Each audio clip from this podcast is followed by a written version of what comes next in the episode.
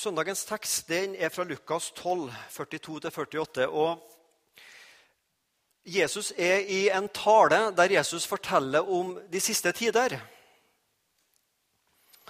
Og så forteller han om ting som skal skje, og ting vi må passe oss for. Bl.a.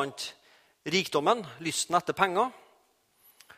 Så Hvis du leser kapittel 12, så, så ser du Jesu formaninger om ting vi skal være oppmerksom på i den siste tid. Og Søndagens tekst, der etter Jesus har talt, så sier Peter Jesus, hvem er, hvem er dette mynta på? Det som du sier nå, Gjelder det oss som disipler? Og så sier Jesus denne fortellinga som da teksten handler om, hvem er en klok og tro tjener? Jo, det er en som er opptatt med å gi de andre kristne åndelig føde i tida fram til Jesus kommer igjen. Og Så sier Jesus at den som har fått mye, den vil det kreves mye av. Det er søndagens tekst. Men vi skal gå noen vers før, så vi skal lese de versene som er før søndagens tekst. Og det er egentlig en adventstekst, faktisk. Og Vi skal lese vers 35-40. Det er dem jeg skal si noen ord om.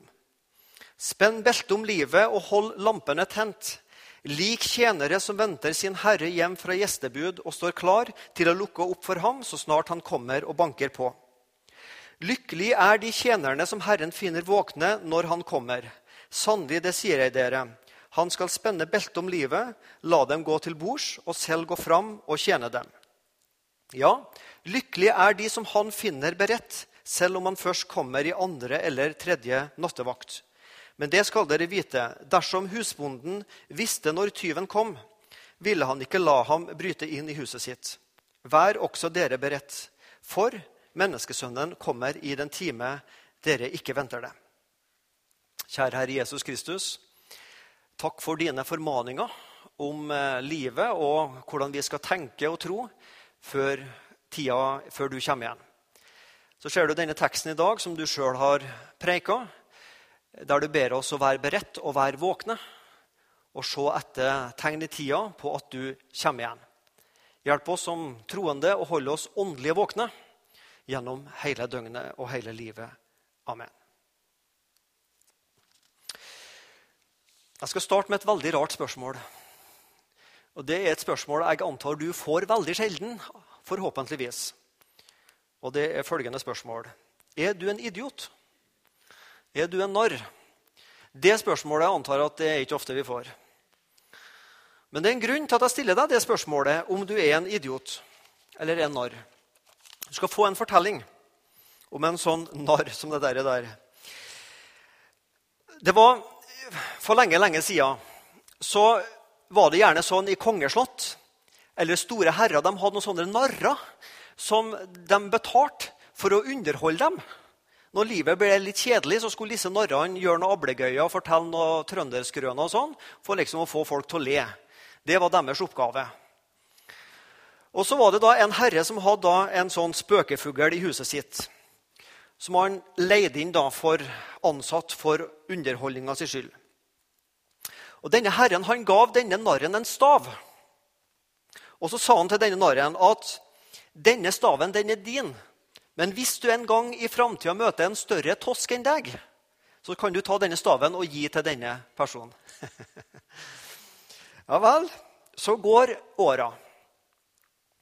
Og Herren han blir, altså kongen eller eh, hva nå han er, han blir sjuk. Og han kaller til seg narren for å komme og se til han. Og så sier denne herren, 'Jeg skal ut på en lang reise.' 'Skal du det?' sier narren. 'Ja, når vil du være tilbake fra denne lange reisa, da?' 'Vil du være tilbake innen en måned?' Og Herren han var sjuk. Han var, han var dødssjuk. Og Han klarte ikke å si det, så han sa jeg skal ut på en lang reise. Nei, sa han. Jeg kommer ikke tilbake så snart. Ja, men kommer du tilbake innen et år, da? Nei, jeg gjør nok ikke det heller. Ja, når kommer du tilbake? Aldri. Ja, så sier narren, ja, men hva slags forsyninger, hva slags forhåndsregler, hva slags planer har du lagt for denne turen du skal ut på? Ingen. Ingenting i det hele tatt, svarte Herren. Det betyr altså at du, du skal dø og bli borte for alltid. sa narren. Og så har du tatt ingen forhåndsregler før avreisa. Ingen planer. Ingenting. Her er staven, for nå har jeg møtt en som er større tosk enn meg. Er du, er jeg en narr på troens område? Er du klar til de siste reise? Har du prioritert å planlegge din siste, mest ensomme reise i livet? Har du tatt med deg åndelige forsyninger på reisa fram til da? Det er det denne teksten i Lukas 12, 35-40 handler om. Det handler om er vi åndelige narrer, eller har vi planlagt vår siste reise? Spenn beltet om livet, sier Jesus, og hold lampene tent, lik tjenere som venter sin herre hjem fra gjestebud og står klar til å lukke opp for ham så snart han kommer og banker på. Vente, være klar til å lukke opp, spenne beltet om livet. Det uttrykket kjenner vi jo. Ta på seg buksa og spenn beltet om livet så ikke buksa detter av en. La hoftene være ombundet, som det står i en annen oversettelse. Holde lampene tent. Det handler egentlig om å være beredt, om å være klar til avgang. Og For den som har lest litt i Bibelen, så klinger det nå sikkert i hodet ditt hopper det opp denne fortellinga i Matteus om disse ti brudepikene. Disse ti jomfruene som venta på brudgommen. Fem fikk stempelet, eller fikk i hvert fall godkjent stempelet at de hadde forberedt seg, tatt med proviant, tatt med seg olje til lampa. Fem fikk den dommen at de var, de var åndelige narrer. De hadde ikke tatt med seg forsyninger til den siste reisa. Og så konkluderer Jesus i den fortellinga i Matteus 25.: Våg derfor, vær beredt, for dere kjenner ikke dagen eller timen. Og Det passer godt med det vi la oss her, om at ingen kjenner timen når menneskesønnen kommer igjen. Er du beredt? Er du klar? Har du spent beltet om livet? Har du lampa tent? Venter du? Er du klar til å lukke opp så snart han kommer og banker på? Vers 37 og 38. Lykkelig er de tjenerne som Herren finner våkne når han kommer. Sannelig sier jeg dere, han skal spenne beltet om livet. La dem gå til bords og selv gå fram og tjene dem. Ja, lykkelig er de som han finner beredt, selv om han først kommer i andre eller tredje nattevakt. Finner våkne. Lykkelig er du og jeg hvis vi er våkne når Jesus kommer. Lykkelig er den predikant som har ei våken forsamling, der ikke for mange sovner. Men lykkelige er vi hvis vi er våkne når Jesus kommer igjen. Jeg sa det innledningsvis at denne teksten er egentlig en adventstekst. Vi møter den i desember. Og ordet 'komme' Advent det betyr komme. Advent er latin, som betyr komme. Og Ordet 'komme' møter vi fem ganger i, hvert fall i denne teksten. Og Advent handler jo ikke om å, først og fremst om å vente på Jesus, men det handler om hans komme. Han som kom julenatt. Han som skal komme igjen. Han som kommer hver dag med et kall om å følge han. Følg meg, kom og lev livet ditt sammen med meg. Så egentlig hele livet er i adventstid. Vi feirer Han som har kommet. Jesus er kommet, Ånden er kommet på pinsedag. Og vi lar Han komme i vårt liv i dag. Gjør vi det? Og vi venter at Han en dag skal komme i framtida. Det Jesus vil si, vi må ha riktig perspektiv på ting. Jesus heller opp dette livet, og så heller han opp evigheten for oss. Hva er dette livet mot evigheten?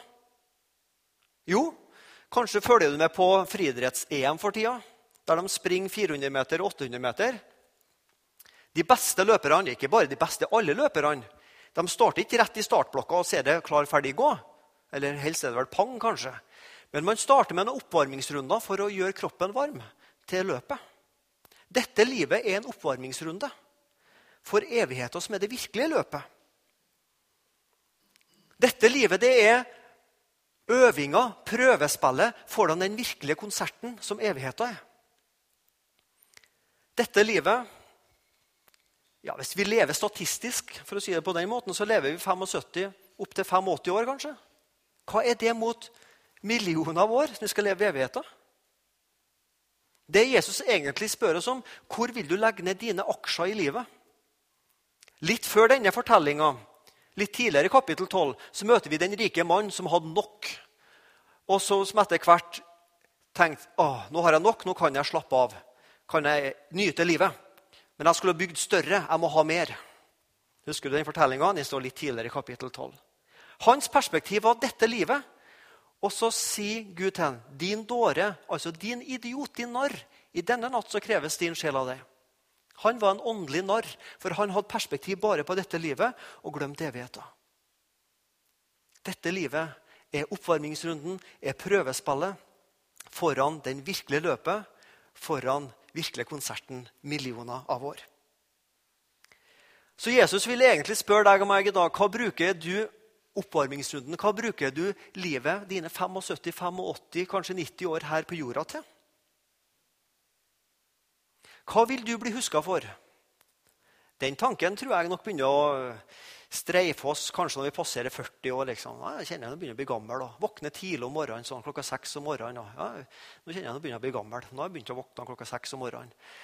Og så begynner jeg å stille meg spørsmål, Hva vil jeg bli huska for? Vel, vel, jeg er 40 år, og forhåpentligvis så har jeg mange tiår foran meg. Men vi stiller oss av og til det spørsmålet. Hva vil jeg bli huska for? Hva skal stå i min nekrolog? Ja, det kan være viktig. Det er langt viktigere hva vil Gud huske meg for? Hva vil Gud si om mitt liv? Hvilket ettermæle vil Gud gi meg? Ikke mennesker i Stavanger Aftenblad eller et annet plass, men hva vil Gud gi i mitt ettermæle? Har jeg brukt dette livet til å forberede meg på det evige liv? Har jeg brukt dette livet til å vente på Jesu komme? For å holde meg våken, være klar og være beredt? Og Det å leve sånn i forventning om at Jesus skal komme igjen, det bør ikke og det må ikke føre til en passivitet og likegyldighet overfor andre mennesker og hvordan det er ellers i samfunnet og urettferdighet her på jorda. Ja, men jeg er bare 70-80 år og venter på himmelen, så jeg bryr meg så mye om hvordan det går her på jorda. En sånn tankegang er ikke en kristen tankegang. Det at vi har vårt sinn vendt mot himmelen, skal ikke føre til at vi ikke bry oss om miljøødeleggelse, urettferdighet og politiske vanskeligheter på jorda. Det skal det ikke bety. Vi skal ikke være passive overfor det eller likegyldige overfor andre menneskers liv eller evige skjebne. Men det handler om at midt gjennom alt så skal Guds rike, misjon, Guds universale, lokale kirke være det som Jesus Kristus være det som preger mitt hjerte først og fremst. Hvordan har jeg det med Gud, og hvordan kan jeg få le mitt liv sånn at andre mennesker får det rett med Gud? Og Når det er sentrum i mitt liv, så tror jeg også det vil prege forhåpentligvis hvordan jeg lever overfor andre mennesker. Lykkelige er de tjenerne som Herred finner våkne når han kommer. Hvor vil du være når Jesus kommer igjen? La oss si at Jesus kommer igjen i din levetid, for det kan han jo fort gjøre. Jeg tror ikke Jesus kommer igjen i morgen. Han kan jo komme igjen i dag. ikke sant? Så vi må jo være forberedt på at han kan komme igjen i dag. Så hvor vil du og jeg være? Det har vært veldig greit å være her. da. Veldig kjekt å stå på talerstolen når Jesus kommer igjen. Det har liksom vært litt stilig. Bønnemøte det ville vært veldig kjekt. Det vært kjekt Jesus om de kunne komme igjen mellom klokka 11 og 12 en søndag. Altså norsk tid, da. 11 og 12. Eller vært veldig kjekt om du kom igjen når vi hadde bønnemøte. Eller når vi hadde et barnelag. og Jeg var engasjert med noe i et barnelag. Det var veldig kjekt. Eller når jeg satt og las i Bibelen min hjemme. Hadde meg stille en stund. Skal du få være med på litt matematikk her. Enkel matematikk. Døgnet har 24 timer. Og Hvis vi nå gjør det litt enkelt, så kan vi si at vi sover en tredjedel, sover åtte timer. Vi arbeider åtte timer, og vi har fritid åtte timer. Ok? Åtte timer søvn, åtte timer arbeid, åtte timer fritid. Noen rister litt på hodet, og noen bukker. Noen kjenner seg igjen, og noen syns det kanskje ble litt mye eller lite søvn. Det får du avgjøre sjøl. Men dagen har 24 timer, og så ganger du det med 7. Og det blir, det har jo jeg sett og kalkulert her litt på forhånd, da, så står det i mitt manus 168 timer. Uka har 168 timer. Ja. Og la oss si at vi bruker så og så mange, vi bruker en time på møte i uka. Vi går kanskje på ei forening i tillegg, og så leser vi Bibelen og ber så og så mye. Så ca. fem timer i uka på kristelige aktiviteter.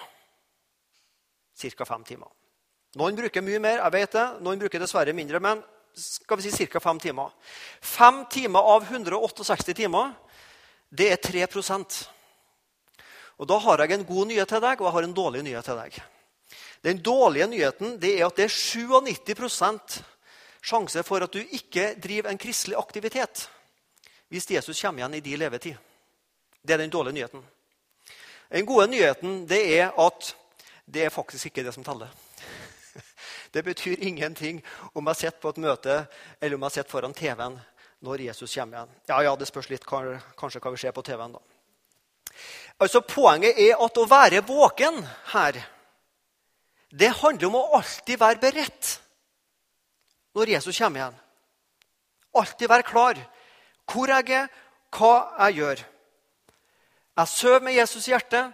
Jeg våkner og spiser frokost med Jesus i hjertet. Jeg går på arbeid med Jesus i hjertet. Jeg har fritid med Jesus i hjertet. Jeg sitter foran TV-en og ser på en fotballkamp med Jesus i hjertet. Jeg er med familien med Jesus i hjertet. Det er ikke bare når jeg gjør kristelige aktiviteter, har Jesus i hjertet og er våken. Du kan være våken også når du sover. Det er poenget. Det er den gode nyheten. Hvor vil jeg være når Jesus kommer igjen? Vet du hva som er det mest opplagte svaret på det? Hvor er den mest opplagte plassen at aller de fleste kristne er når Jesus kommer igjen? Det er et ganske opplagt svar på det. Vi er i grava vår. De aller fleste kristne på jorda kommer til å være i grava si når Jesus kommer igjen. Alle som har levd før oss, de er jo i grava. Og kanskje de fleste av oss også vil være i grava når Jesus kommer. Og Der er det et poeng. Jesus kommer igjen i det øyeblikket jeg trekker mitt siste pust. Så kommer egentlig Jesus igjen i mitt liv. For når jeg har tråkket mitt siste pust, så kan ikke jeg gjøre opp mer mitt forhold med Gud etter det. Fins ikke en ny sjanse etter døden. Vi kan være våkne, vi kan være beredt, og vi må være det her i tida. For døden kan komme fortere enn vi tror. Og Da går mine tanker tilbake til 27.11. i fjor. Det er ikke sikkert den dagen sier deg så mye, men det var fredagen i julemessa her. Og På tur innover så hørte vi at det var en bil som hadde havna i elva midt i sentrum i Egersund. Vi var litt spent på hvem det var. Eh, og det oppdaga vi når vi kom hjem. Det var ei eh, dame som er like gammel som meg, som heter Wenche Karin. Hun, eh, lang historie kort, hun fikk et epilepsianfall av å kjøre bil. og Bilen for rett ut i elva. Hun hadde med seg jenta på 15 år som ble liggende en halvtime under vann. Men hun lever i beste velgående i dag. Jeg har møtt henne, og det var, det var, det var en sterk opplevelse. skal jeg si dere. I dødsannonsen til Wenche Karin så sto det det er nok det som Jesus gjorde. Det er berggrunnen som er vi hel. Er ikke flott? Det er nok det som Jesus gjorde. Det er berggrunnen som er vi hel. En aktiv familie på bedehuset i Egersund. De var våken. Hun var våken nå, også i det øyeblikket. Hun var beredt.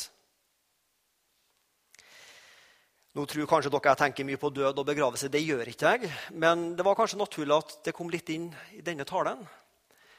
Jeg hørte en sang for mange år siden av en som heter Bjarte Leithaug, en sånn kristen trubadur. Og Han hadde en, en sang som ikke jeg husker hva den heter, men jeg husker ett vers. Og Det syns jeg er så flott, så jeg måtte skrive den ned. Og når jeg så under moll skal sove Det er på nynorsk. Eit kross på grava skal Herren lova. I Jesu navn skal jeg gjenoppstå. I Jesu navn skal jeg kruna få. Det er så flott.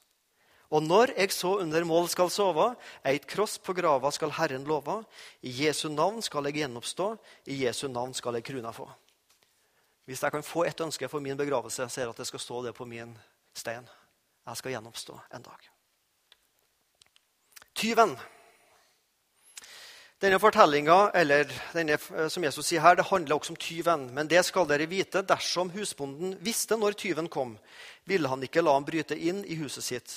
Vær også dere beredt, for menneskesønnen kommer i den time dere ikke venter det.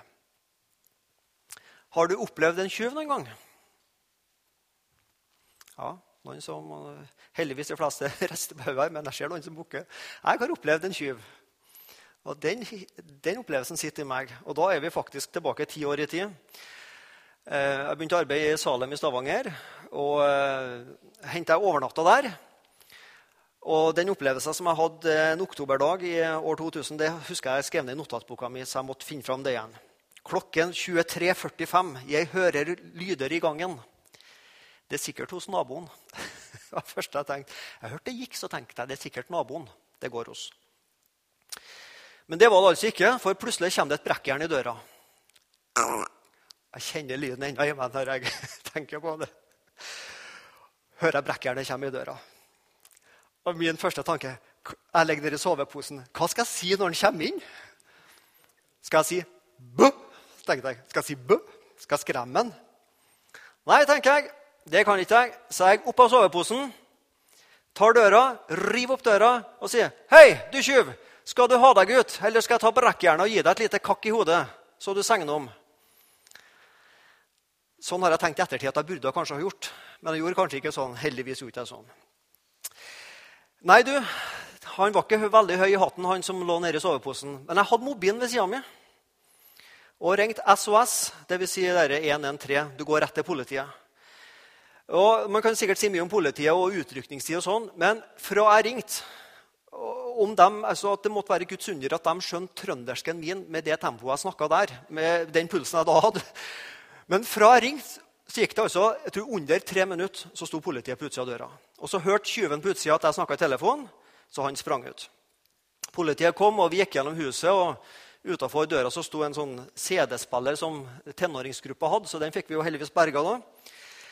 Og Etter politiet hadde gått, og jeg la meg til i senga igjen, så skal jeg love dere at eh, jeg har verken før eller siden sovet så mange ganger i løpet av en natt som jeg har gjort den natta. Jeg tror jeg våkna hver halvtime. Og da var hørselen skal jeg si dere, den var kraftig. Da, det, da lytta jeg etter lyden av hans trinn.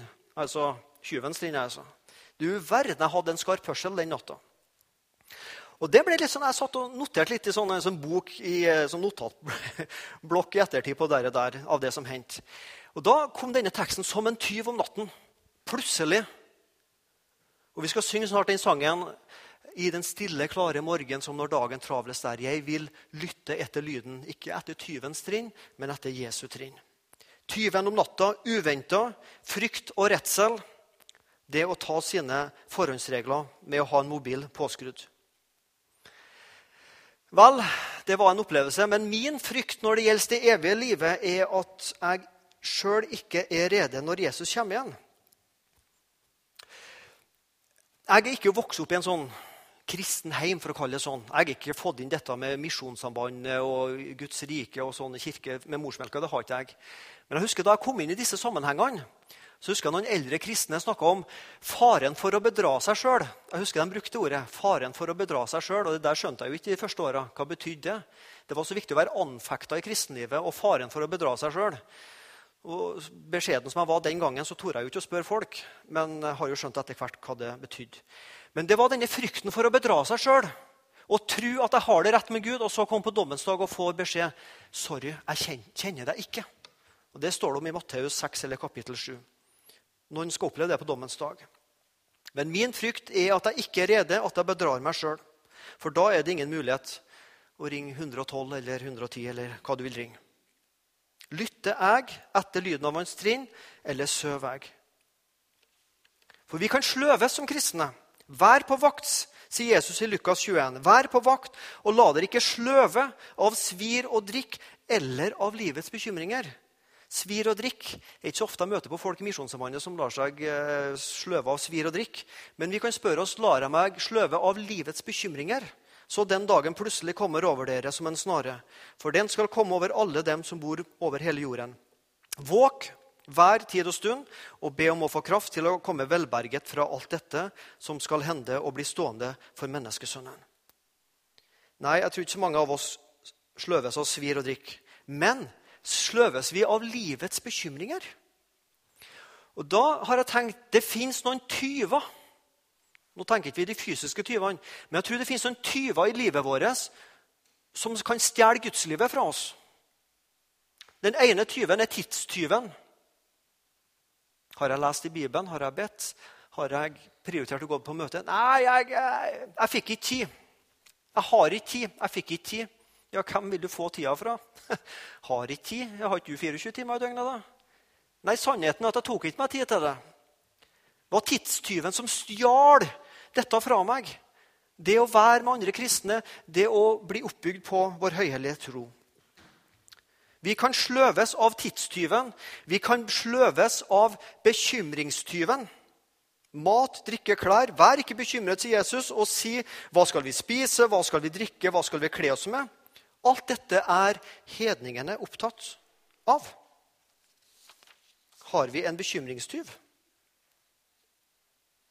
Dette livets bekymringer, rikdommens bedrag og lysten på alle andre ting kvelte ordet, sa Jesus.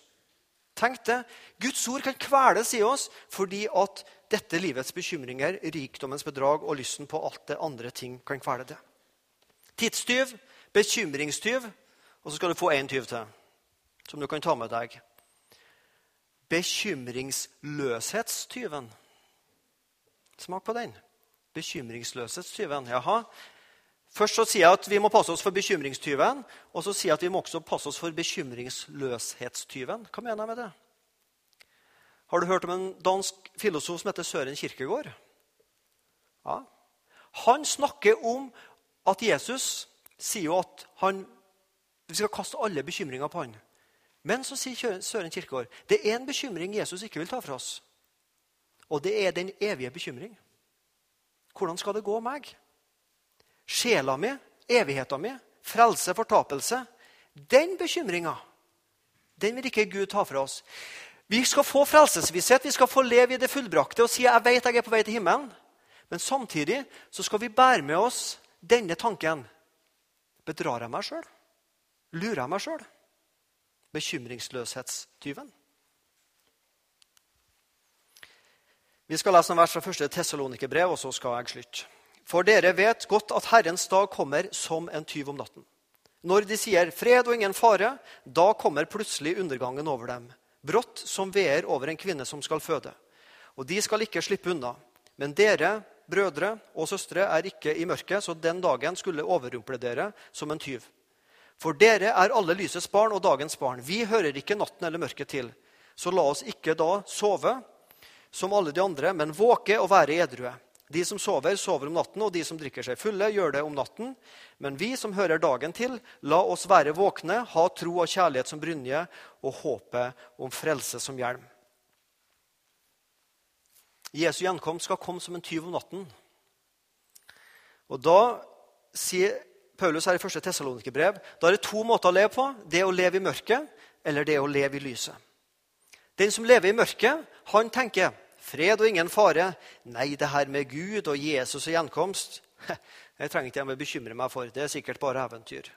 Dagen skal komme plutselig, overraskende, og man visste ingenting før det plutselig skjedde. Og så snakker Paulus her at den som lever da i mørket, den er på en måte full. Drikker seg full. Altså man blir sløva. Og Hva er det som kjennetegner et menneske som altså fysisk har fått for mye alkohol i seg? Jo, det er mange ting som kjennetegner et sånt menneske, men én ting det er man har feil virkelighetsforståelse. Man tror at virkeligheten er på en annen måte enn den virkeligheten er. Det er en feil med, det er en ting som alkohol virker. Du får en feil virkelighetsforståelse.